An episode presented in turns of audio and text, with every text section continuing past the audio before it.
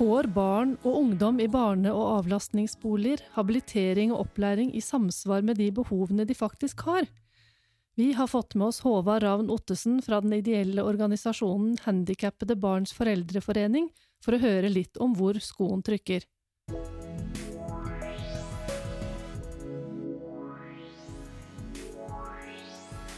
Dette er Veilederpod fra Visma, en podkast for ledere og ansatte i offentlig sektor.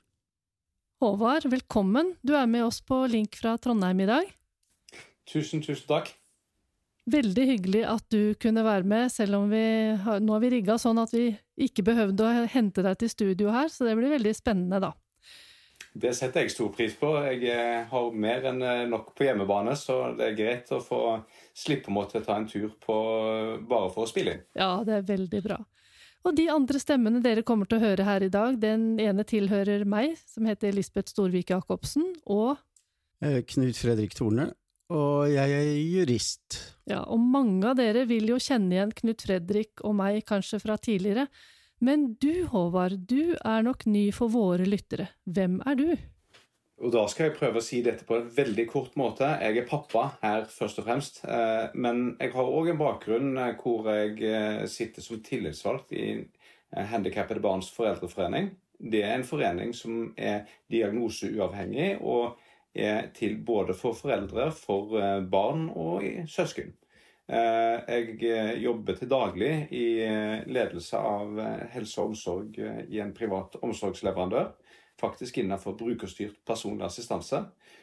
Men jeg har en utdanningsbakgrunn og for så vidt tidligere også jobba på NTNU. Så jeg i hva skal jeg, Faglig sett så er jeg litt sosiolog, litt informatiker og skjønner noen ting om hvordan systemer er, som har vært relativt greit når jeg eh, skal til å Eller når jeg fikk Anders, som er min sønn, eh, som er årsaken til jeg er her i dag. Eh, for da måtte jeg lære meg et nytt språk, det kommunale saksbehandlerspråket. Og det var ikke så enkelt. Nei, det skal vi komme og, litt tilbake til etterpå, Håvard. Ja. Men i dag så har du i hvert fall den pårørendehatten. Og så sier jo du at du har et skilsmissebarn med kommunen. Hva er det du mener med det? Ja, eh, hva kan jeg si? Jeg har, jeg har, ikke bare ett barn, jeg har jo tre. Eh, jeg har eh, eldstemann, Anders. Han har en multifunksjonshemming. Eh, og så har jeg to døtre som har kommet etterpå. Eh, det er krevende å være pappa. Eh, det er det for alle. Eldstemann, han Anders, han er 12, og han er 50% i avlastningsbolig eller i barnebolig. Så jeg sier det litt Kanskje litt flåsete, men jeg sier at vi har inngått en skilsmisse med kommunen hvor vi har delt omsorg. Ja. Så han er halvparten av tida hjemme og halvparten av tida i barneboligen. Ja, og det er jo vanskelig, enten det er skilsmisse på ekte, eller om det er sånn som i ditt felle, da, at det er kommunen som har, som har ansvaret for det. Det ja, absolutt. Jeg vet ikke hvor mye jeg skal si om alle detaljene om eh, det. Jeg har ingen erfaring med å ha skilsmissebarn, men jeg har begynt å få en ganske god erfaring med å ha kommunen som eh, Jeg sier partner, med samarbeidet. Samtidig så er det jo sånn at eh, det knirker jo litt der også, som det sikkert gjør i veldig mange skilsmisser.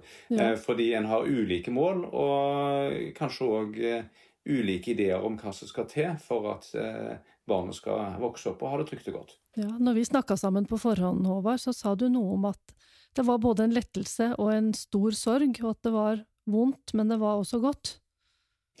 Ja, eh, og jeg skal spole litt tilbake i tid, fordi eh, som sagt, jeg har eh, tre barn.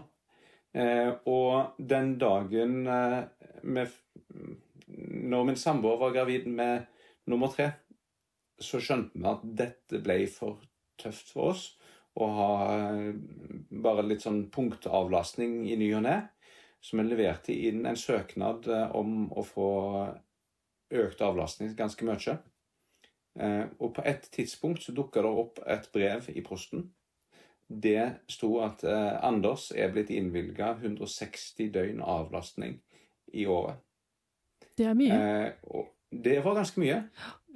og Eh, når jeg leste det brevet, så var det både en sånn liten lykkerus om at endelig er det et vedtak som monner. Samtidig så var det den erkjennelsen av at oi, her er det halvparten av tida, eller litt under halvparten av tida, hvor jeg ikke er pappa. Mm. Og dette er en god stund tilbake. Da var Anders eh, Han var sju. Eh, og nå er han jo blitt tolv. Eh, de 160 døgna de valgte vi faktisk ikke ta ut fullt ut i avlastning i avlastningsbolig. Da hadde vi det i helger når vi hadde behov. Eh, og så hadde vi mye kombinert med brukerstyrt personlig assistanse. Men guttungen har blitt eldre, eh, og ungene til har vokst til også, så vi har jo hatt en situasjon hvor vi på hjemmebane er med fem stykker i familien og fire noise cancelling headsets. Så på et tidspunkt, så av hensyn til eh, ikke bare Anders, men til resten av familien, så måtte vi si at eh, dette går ikke lenger. Vi er nødt til å måtte eh, få til en ordning som gjør at han Anders lærer seg å få noe kommunal omsorg, og samtidig som vi skjermer resten av familien for intensiteten. Eh, og det går an å si at det er ganske intenst å ha Anders hjemme. Det kan jeg godt skjønne.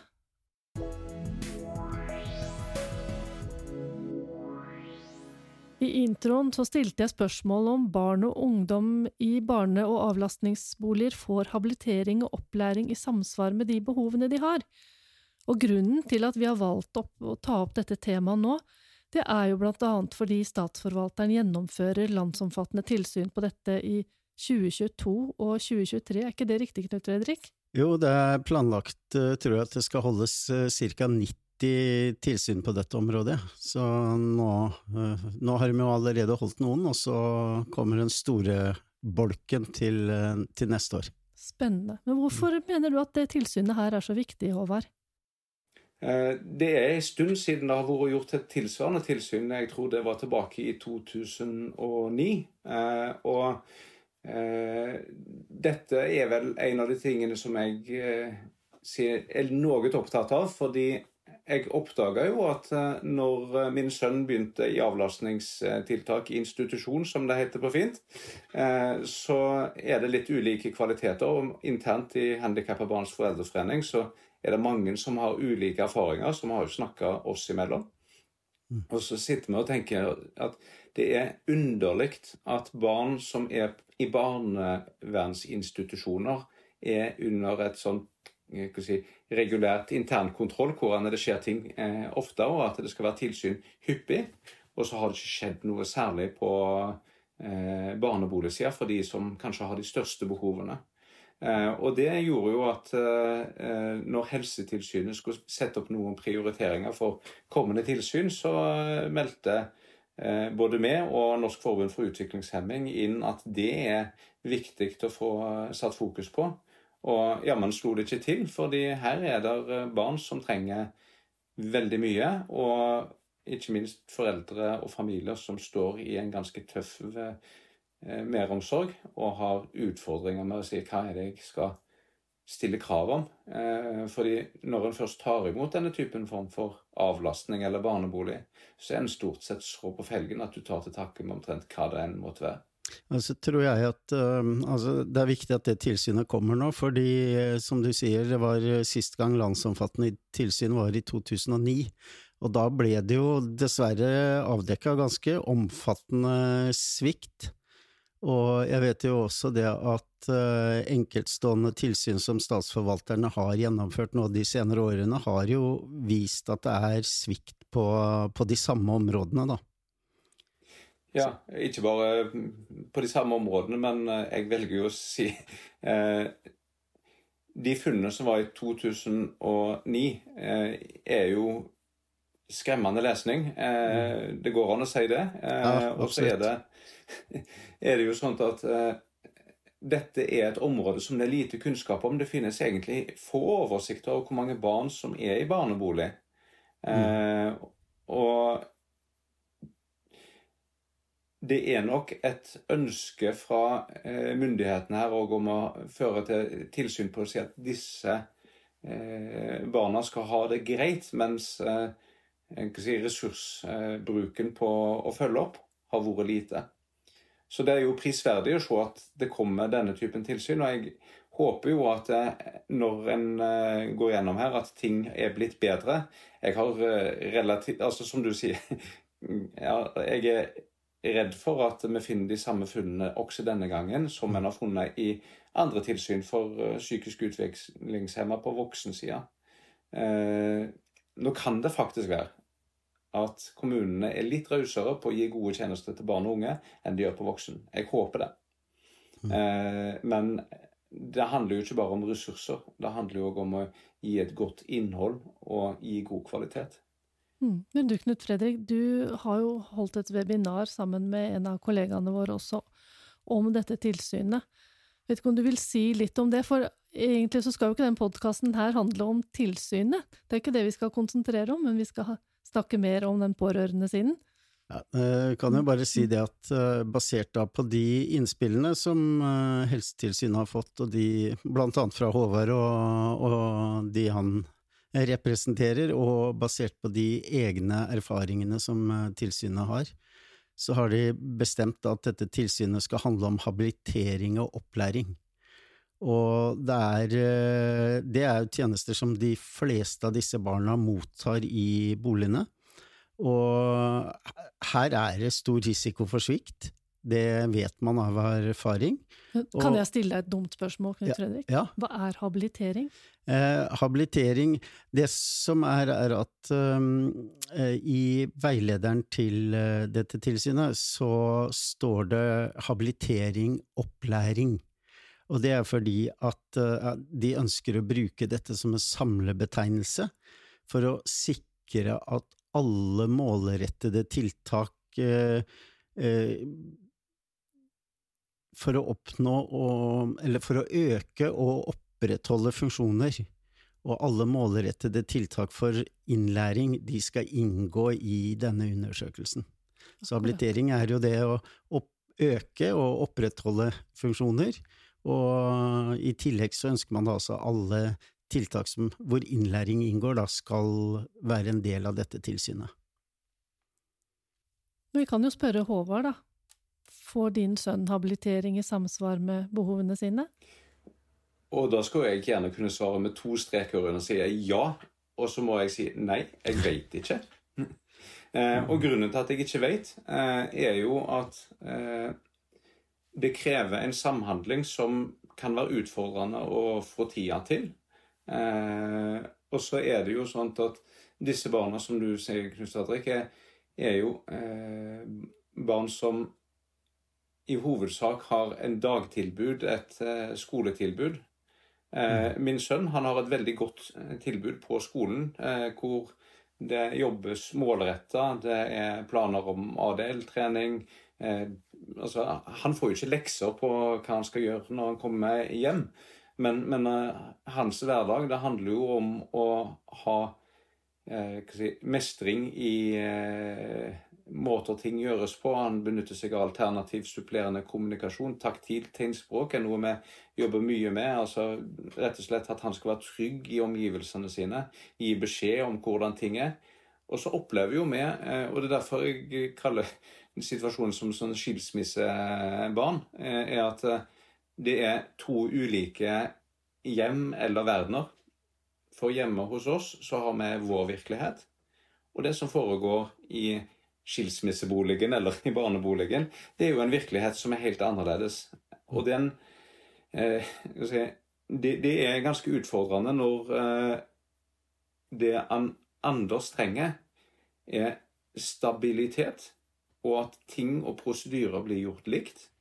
At ting blir eh, Altså at han har forutsigbarhet på at eh, si, Egentlig ganske basale ting, men han er jo eh, fullt ut pleietrengende. Eh, har behov for eh, bleieskift. Skal det gjennomføres på stellebord? Skal det gjennomføres mens han står? Det er egentlig sånn helt basale, enkle ting. Men han blir utrygg når det kommer til å bli gjort på ulike måter. Og da blir han litt frustrert. Fordi på hjemme så gjør man det på den måten, og i barneboligen så gjør det på den måten. Og på skolen så skal de helst gjøre veiledning til begge parter. Så, det, det, som Håvard setter fingeren på her, er jo akkurat det som uh, på en måte er i innfallsvinkelen i forhold til tilsynet også, fordi uh, dette med habilitering og opplæring, det er Altså, her er man avhengig av samarbeidsprosesser med mange involverte, og i de prosessene så er det risiko for svikt. Eh, i informasjonsutveksling og, og, samarbeid. Og svikter det her, så betyr jo det at barna kanskje da ikke får den uh, habiliteringen og opplæringen de skal ha, at det ikke dekker de behovene de har, og det kan jo gi konsekvenser for barnet på sikt. Så Ja, eller som for min sønn. Eh, han eh, han evner ganske mye, selv om han har en alvorlig utviklingshemming. Mm. Eh, hvis vi går på papirene som står beskrevet, så har han jo behov for eh, støtte i alle spisesituasjoner. Han er ikke sondranært, han spiser gjennom munnen selv. Eh, og så har jo vi oppdaga at han er jo i stand til å ikke bare ha si, ferdig mosa mat, men han kan bli presentert for ulike si, ulike biter som er tilpassa han.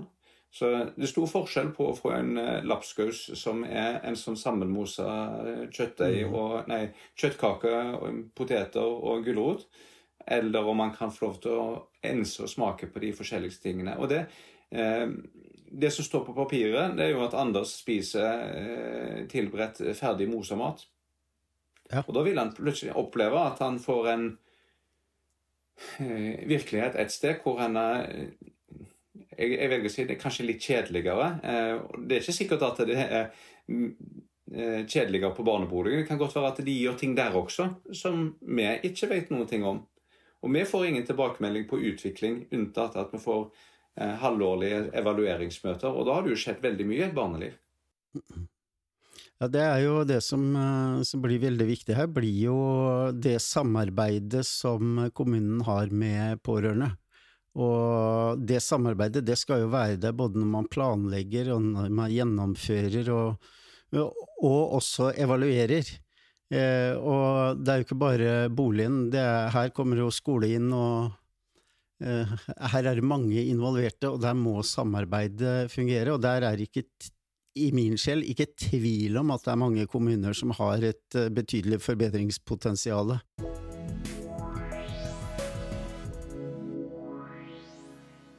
I forbindelse med dette tilsynet så skal jo statsforvalteren blant annet snakke med pårørende. Og du er jo pårørende, Håvard, og du må vel kunne sies å være en ressurssterk pårørende med mye kunnskap. Kan ikke du si litt om din opplevelse av kommunikasjon mellom kommunen og pårørende? Ja, jeg eh, Hvor lang tid har vi, skal jeg spørre nå, men eh, jeg eh, det tar faktisk tid å eh, etablere riktig tjenestenivå. Eh, hvis vi spoler tilbake igjen til tid, fordi når jeg fikk dette 160 døgns eh, vedtaket, så var jo kommunikasjonen mellom kommune og oss som familie eh, den var, var, veldig mye preg av at uh, muligens litt steile fronter. Uh, fikk brev i posten og sier at det å ha barn er krevende, og det gjelder også dere. Og vi står i den andre enden og sier at nei, men du, eh, vi står i en ekstraordinær situasjon. Vi har faktisk behov. Eh, og Det var derfor jeg følte den der seiersfølelsen når jeg endelig fikk et vedtak som hånda.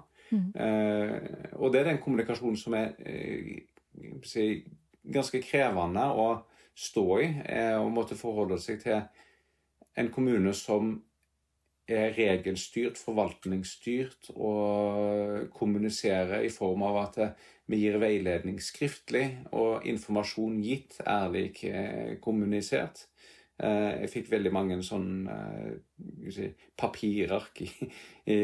presentert i møtet og sier at nå har vi gitt veiledning. Ja, og du eh, sa jo noe om det når vi snakka sammen på forhånd, at eh, folk er forskjellige, at ikke alle pårørende er i stand til å ta inn over seg det språket kommunen bruker, og at foreldre har mange forskjellige utfordringer, da, og kanskje ikke alle er like ressurssterke heller. Så står det vel over noen ganske umulige, umulige valg inni her.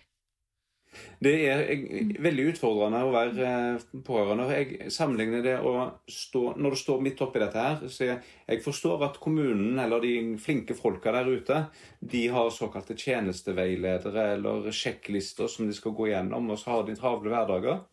Men eh, det er jo omtrent som å si, Når du har barn med disse behovene som, som jeg har eh, så er du i en konstant eh, opprørt hav hvor du vet ikke hvor du skal begynne. Og da hjelper det veldig lite å få kommunikasjon rett i fleisen, alt, eh, på en gang. Du må få den tilpassa, og kanskje og du må bli gjentatt flere ganger. Har du virkelig skjønt dette? Mm. Eh, og jeg kan jo si at vi har jo fått lassevis av informasjon, men det kom på feil tidspunkt. Eh, og, og, og, da er det sånn at Eh, i vår hverdag, og for så vidt Og nå skal jeg få lov til å si noe som er helt utenfor temaet for podkasten. Men eh, når Anders ble født, han er tolv år, da mottok vi ting på papir i postkassen. Det første jeg fikk beskjed om, da kjøp ringpermer. Siden den gang så har jo det digitale samfunnet blitt ganske eh, stort. sånn at de barna som eh, fødes i dag med denne typen behov, det hjelper ikke med ringperm det hjelper ikke med noen digitale systemer, fordi det er så mange forskjellige kanaler du får informasjon på. Og jeg tør si jeg er ja, med en informatikkbakgrunn, så jeg bør kunne eh, forholde meg til dette her. Eh, men jeg klarer det ikke. Jeg blir ansett som ressurssterk. Eh, det er ikke Altså, disse barna her, de kommer til verden med foreldre av alle mulige arter, og kanskje til og med Jeg skal være litt eh, freidig å si det, men eh, det er jo sånn at ressurssvake familier gjerne får flere barn statistisk sett med, med større utfordringer, og hvordan de skal forholde seg til denne informasjonen som kommer fra det massive offentlige det er meg en gåte.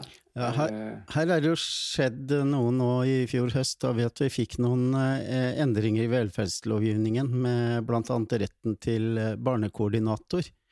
Og formålet med det er jo å styrke da oppfølgingen av barn og unge og familiene. Eh, hvor eh, denne barnekoordinatoren skal på en måte være kontaktpunktet for familien. Eh, inn mot kommunen, og skal være den som eh, bistår og informerer og forklarer og skal kjenne til regelverket for å, for å bistå familiene mm. i, i møte med det store kommunale vesenet. Og, og, dette store kommunale vesenet med en, Det viktigste er jo å få til at du får en som er fasilitator for en god samtale og kan minne på om igjen og om igjen. Sånn at du ikke bare sier 'veiledning gikk, så vi er ferdige', og så gått videre på sjekklista. Ja. Eh, for eh, jeg må jo si at eh, du må jo få til kan, Og du får, må få tilpasse informasjonen eh, flere ganger. Eh, dette med avlastning, eksempelvis. Det å be mm. om avlastning. Eh, jeg har til gode å treffe en familie som ønsker avlastning fordi de syns det er spesielt greit. Ja, her tror jeg, akkurat, akkurat, på dette punktet tror jeg det er inne på noe veldig viktig. Jeg tror at det er eh, helt uh, avgjørende for at dette her skal fungere til hensikten. Det er at uh, kommunene sørger for at de som skal få rollen som barnekoordinatorer, for det første får nødvendig opplæring i kommunikasjon, blant annet, i tillegg til at de får opplæring i lovverket osv. Men i tillegg så må de få satt av tid til å samarbeide og snakke med både barnet og familien. Sånn at her må mm. det settes av tid, eh, sånn at de kan få gjort den jobben de, de forventes å gjøre. Ja, og, og, ikke minst så må denne typen eh, tid foregå på arenaer som passer de aktuelle familiene. Ja. Fordi eh, jeg føler meg ikke Altså, jeg, jeg, jeg, har fremdeles vondt i magen når jeg går inn døra i enkelte bygg fordi at jeg har erfaringer med møter som ikke er spesielt heldige. Og det er ikke mhm. fordi at eh, det er noen vond intensjon i tjenestekontorene, men eh, nå har heldigvis i Trondheim kommune har de flytta ut av de lokalene, men eh, Eh, jeg kjører forbi helse- og velferdskontoret sine gamle lokaler og tenker at jeg er glad jeg ikke skal opp i fjerde etasje lenger. Mm -hmm. og, og, og det er jo fordi der sitter du egentlig veldig sårbar og alene eh, og ber om hjelp. Eh, og så møter du en kommunal verden hvor han er det stort sett så eh, møter kommunene med minst to personer fordi at de skal være trygge på at det ikke blir sagt ting feil. Og så sitter du der i veldig alene og er egentlig veldig usikker. De snakker et språk som du ikke skjønner. Og så har du egentlig ideen om at eh, kommunen har rett. Vi tror jo faktisk på dette velferdssamfunnet. Mm, og jeg skjønner jo det. sier at skjønner det at det her er utfordrende, og at, eh, at, at Egentlig nå gikk det mer opp for meg når du fortalte nå hvor viktig det er med den barnekoordinatoren som skal inn. Ja, jeg tenker at det blir øh, øh, absolutt en øh, forbedring i forhold til sånn det er. Forutsatt da at disse som skal være barnekoordinatorer får opplæring, og at de får virkelig tid til å jobbe med barna og familiene, og bistå dem. Mm. Ja, For eksempel sånn at Håvard slipper å gå alene i møte med, med eh, Men- tildelingskontor ja. eller helse- og velferdskontor, eller hva de kaller det. Og noen som kan Ja. oversette det du kaller for kommunalsk. Ikke sant? Eh, og som òg kan si at jeg er faktisk ikke din eh, jeg si forvalter, men jeg er faktisk ombudspersonen din. Mm. Eh, nå, nå skal jeg si at jeg har vært forferdelig heldig i vår situasjon, for vi har jo hatt eh, folk i eh, habilitering, eller i, i Trondheim så har de både fysio og ergoterapeut. Eh, nå har eh, ergoterapeuten gått av med pensjon i, for et halvt år siden. Eh, hun har fulgt Anders siden han var nyfødt. Mm. og tilsvarende så har vi en, hatt en fysioterapeut som har vært med hele veien oppover. Det tror jeg jeg kan si jeg er superheldig med, for det er ikke vanlig. Jeg kan telle på to hender antall saksbehandlere vi har hatt. Og delvis fordi at eh, det er folk som eh, Altså det er høy turnover i denne typen stillinger. Og så er det eh, Det føles litt sårt å være den ene som eh, står i det som pappa eller som mamma eh, hele veien.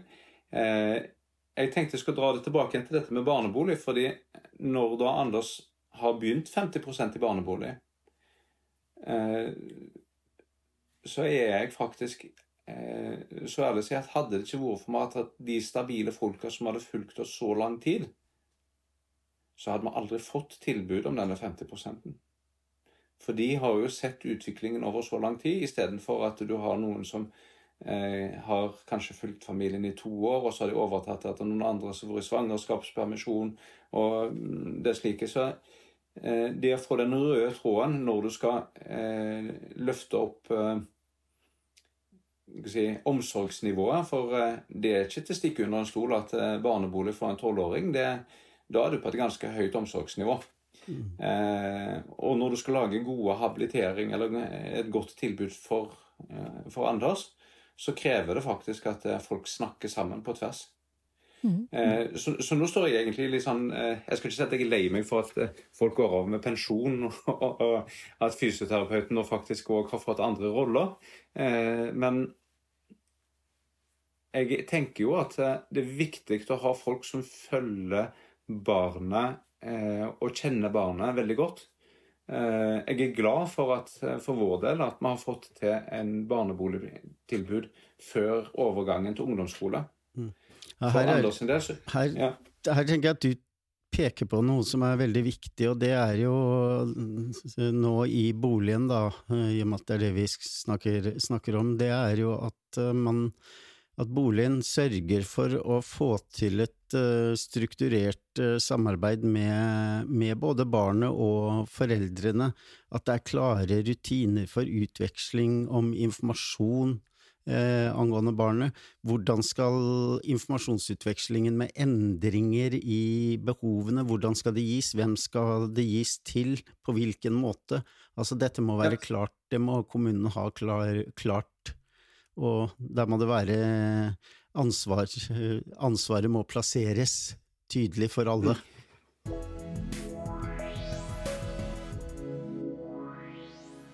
Ja, dette her med kvalitet i de tjenestene som leveres, det hadde jo dere to litt lyst til å snakke noe om.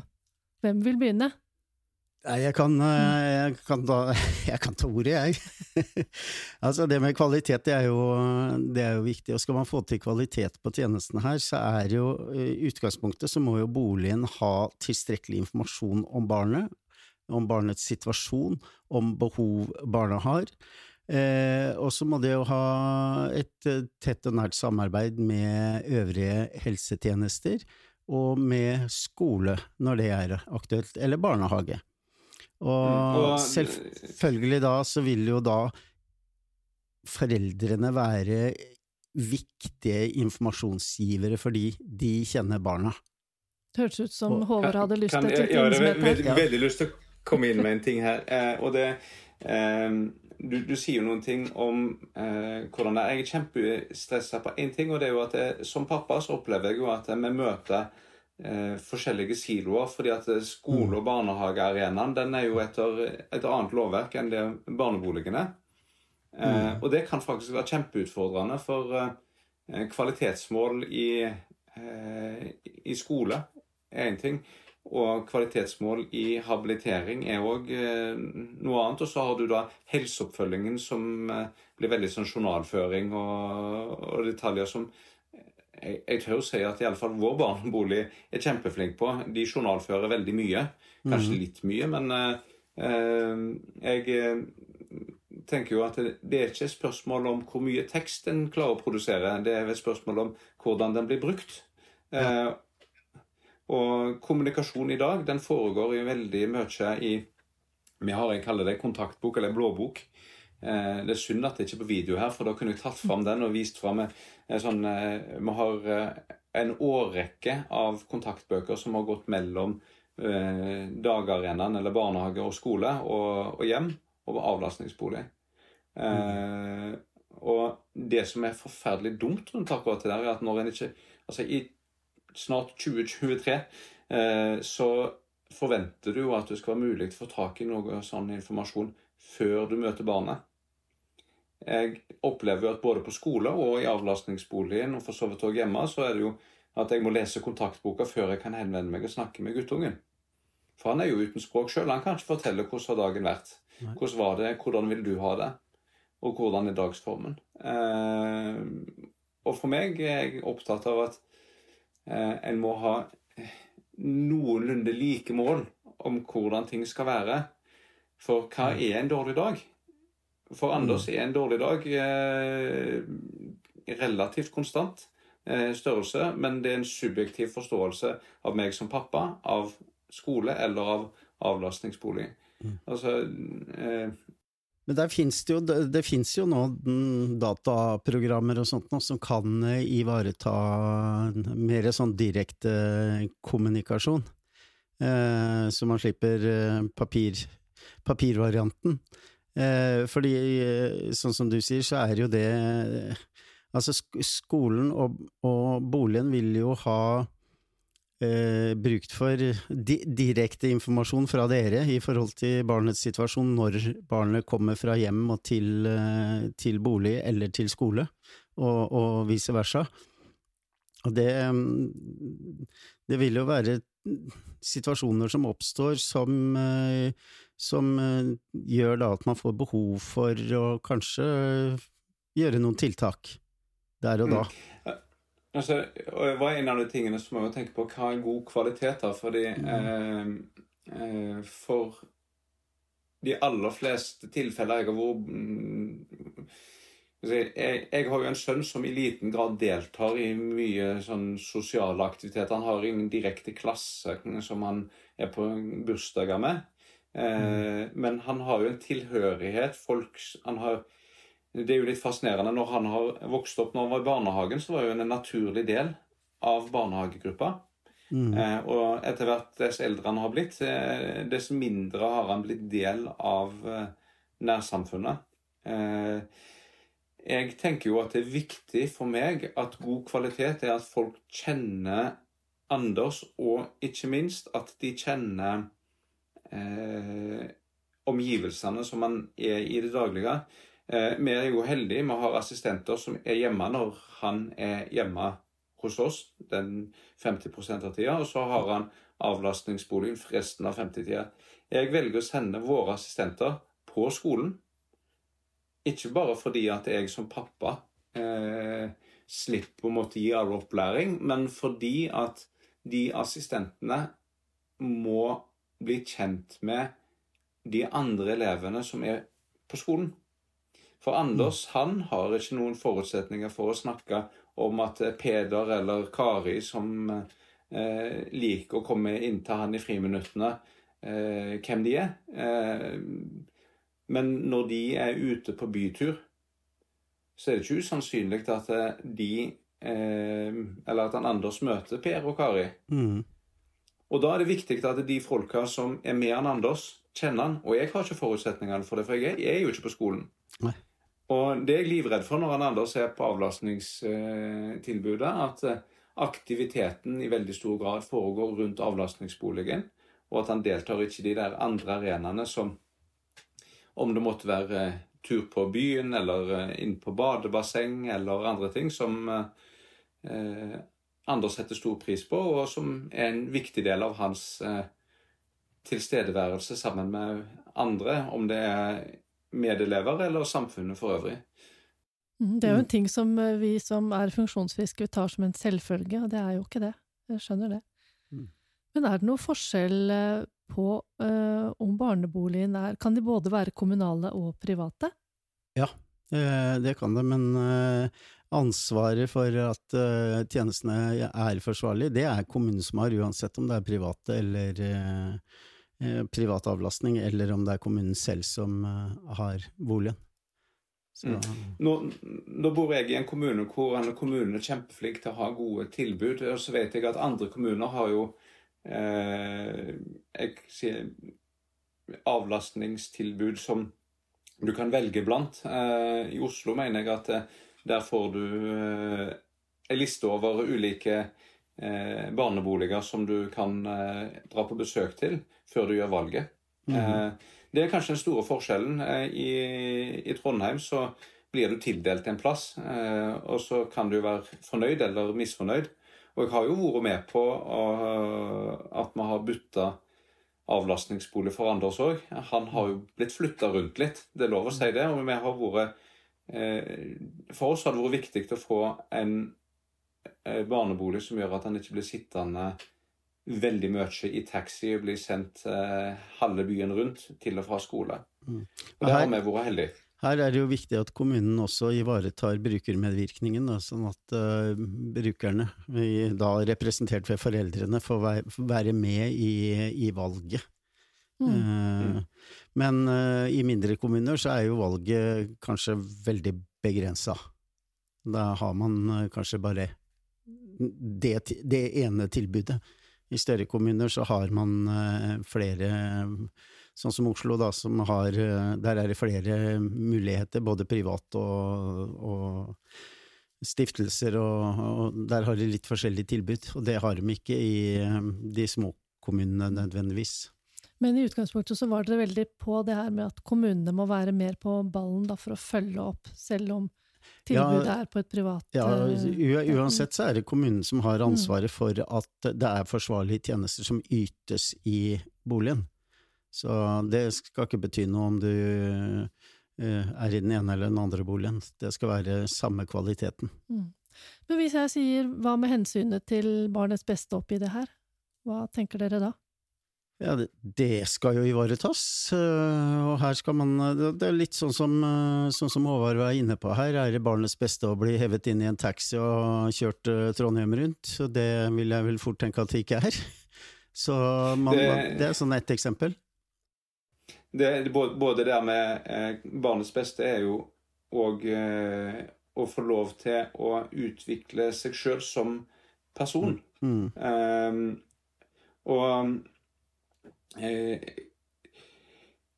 For barnets beste så må en alltid gjøre noen vurderinger på hva er det som er best tidspunkt i forhold til barnet. Eh, noen ganger så skal en kanskje være såpass freidig og si at eh, det kan være klokt å være proaktiv. Eh, sånn som i vårt tilfelle, så har Anders fått et tilbud eh, når vi var dønn slitne når vi gikk inn med denne kommunale skilsmissen. Faktisk så var vi jo så tydelige Voksne menn gråter ikke, men da gråter jeg virkelig når jeg ringer til kommunaldirektøren på området og sier at enten så får vi en barnebolig 50% eller så blir jeg og min samboer nødt til å måtte gjennomføre en skilsmisse.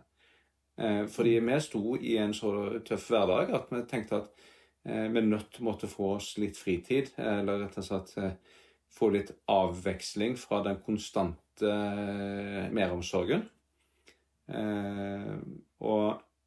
Da var jeg usikker på hva er det som er det beste for barnet. Det er åpenbart for Anders at det er best for han at han får noen erfaring og lærer seg en trygghet i en barnebolig eh, før vi går eh, i grava, eller rett og slett at vi bukker under. Eh, for hvis krisen skjer, så vil behovet oppstå mm. eh, i større grad og bli akutt. Mm. Eh, jeg er glad for én ting, og det er jo at Anders fikk et tilbud før overgangen til ungdomsskole. Mm. Altså, og, og det, det, tenker jeg Barnets beste er jo sånn Hvem har ansvaret for å håndtere tenårene? når hormonene flytter ut mm. Nei, unnskyld. Når hormonene flytter inn, bør barnet flytte ut? Eh, det er et spørsmålstegn som eh, jeg er usikker på. Men er det sånn at det er greit at foreldre må håndtere alle ting som naturlig nok kommer i eh, som en konsekvens av å bli eh, tenåring? Eh, jeg bruker et eksempel, kanskje det muligens er vulgært, men eh, når du er 13 år og jente, så er det ikke uvanlig at eh, en eh, begynner å menstruere. Kanskje mm. før òg, for alt hva jeg vet. Og da er det ganske uvanlig om, for ordinære familier at det er foreldrene som yter den omsorgen. Men det er åpenbart at de har et behov for stell og ivaretagelse. Og ja, det går fint an å tillære seg at det er greit at mamma og pappa gjør det. Men så er det jo spørsmålet om hvor lenge skal de drive på med det? Mm. Og, og, da tenker jeg òg i forhold til barnets beste jeg sier at du må utvikle selvstendigheten dess eldre du blir. Mm. Eh, for folk flest vil jo utvikle en selvstendighet, og barnets beste er jo òg å eh, forberede seg på voksenlivet. Mm. Eh, og så må de jo da få muligheten til å få noen erfaringer, for og det er jeg glad for at dette tilsynet handler om. det. Når du snakker om habilitering, så er det utvikling. Utvikling av ferdigheter. Mm. For veldig mange avlastningstilbud har veldig vært sånn kort øyeblikk. Og det opplevde jeg at for Anders del, han blir stressa av å ha bare ei helg borte. Nå får han ei uke sammenhengende, så han får tid til å lande. Og det tror jeg er viktig for også hans del, at han roer seg ned og ikke blir eh, sendt av gårde mellom eh, Eh, et avlastningstiltak eh, i ny og ne. Og jeg har jo sett de som har tilsvarende eh, vedtak som det vi har, men som har en avlastningsplan som på kalenderen ser ut som det er skutt med, med hagleskudd. Og mm, da må en stille spørsmål hva er barnets beste da? Ja, er, jeg tror det er veldig viktig at både altså, ledere og ansatte i, eh, både i kommunene og i, i boligene, og for så vidt skole og overalt, eh, hele tiden tenke på at dette prinsippet om barnets beste, det skal være på en måte styrende i alle avgjørelser som angår eh, barnet. Og det er som Håvard er inne på her, det skjer en utvikling mm. eh, for oss som er funksjonsfriske, og det, det, må man på en måte ta hensyn til og tenke igjennom i forhold til alle de tingene som Håvard er inne på. Jeg skjønner jo, Håvard og Knut Fredrik, at dere har egentlig veldig mye å snakke om. Men klokka går. Og mm. Vi pleier gjerne før vi gir oss å la deltakerne sende et råd med på veien ut til lytterne. Eh, veldig kort, da, hvis dere klarer å fatte dere i korthet. Eh, har du et råd som du har lyst til å Eller et noe du har lyst til å formidle videre, som du vil skal sitte igjen, Håvard? Eh, og da skal jeg være fryktelig kort. Sett av nok tid Og ikke minst, tenk litt utenfor boksen. Sørg for at eh, tiden ikke nødvendigvis foregår på arbeidstid, for det er da mamma og pappa er i full jobb. Mm. Sørg for at du får eh, eh, tilpassa det til at Få i gang en god dialog når foreldrene har overskudd og tid, og ikke når det passer deg. Knut Fredrik? Ja, jeg vil bare si, hva skal jeg si, helt kort og greit, riv siloene. Samarbeid, samhandling. Både med foreldre og med skole, med barnehage, med helsetjenesten. Altså den uh, silotenkinga som har vært i helsetjenesten, den må vi bli kvitt. Og vi må ha samarbeid og samhandling på alle områder. Der kunne jeg ikke vært mer enig enn det, det du sier der. Nei, så bra. Og tusen takk, Håvard, for at du ville være med oss i dag og dele fra ditt ståsted da, som pappa i, i, den situasjonen her. Og tusen takk til deg, Knut Fredrik, for gode innspill underveis. Jeg skjønner jo at dette her er noe dere brenner for begge to. Men vi er nødt til å si takk for oss, vi, fra studio i Fredrikstad. Dette er Veilederpod fra Visma, en podkast for ledere og ansatte i offentlig sektor. Og ansvarlig for denne sendingen har vært Karianne Andersen, Knut Fredrik Torne og Lisbeth Storvik Jacobsen. Produsent og teknisk ansvarlig Magnus Bjørneby.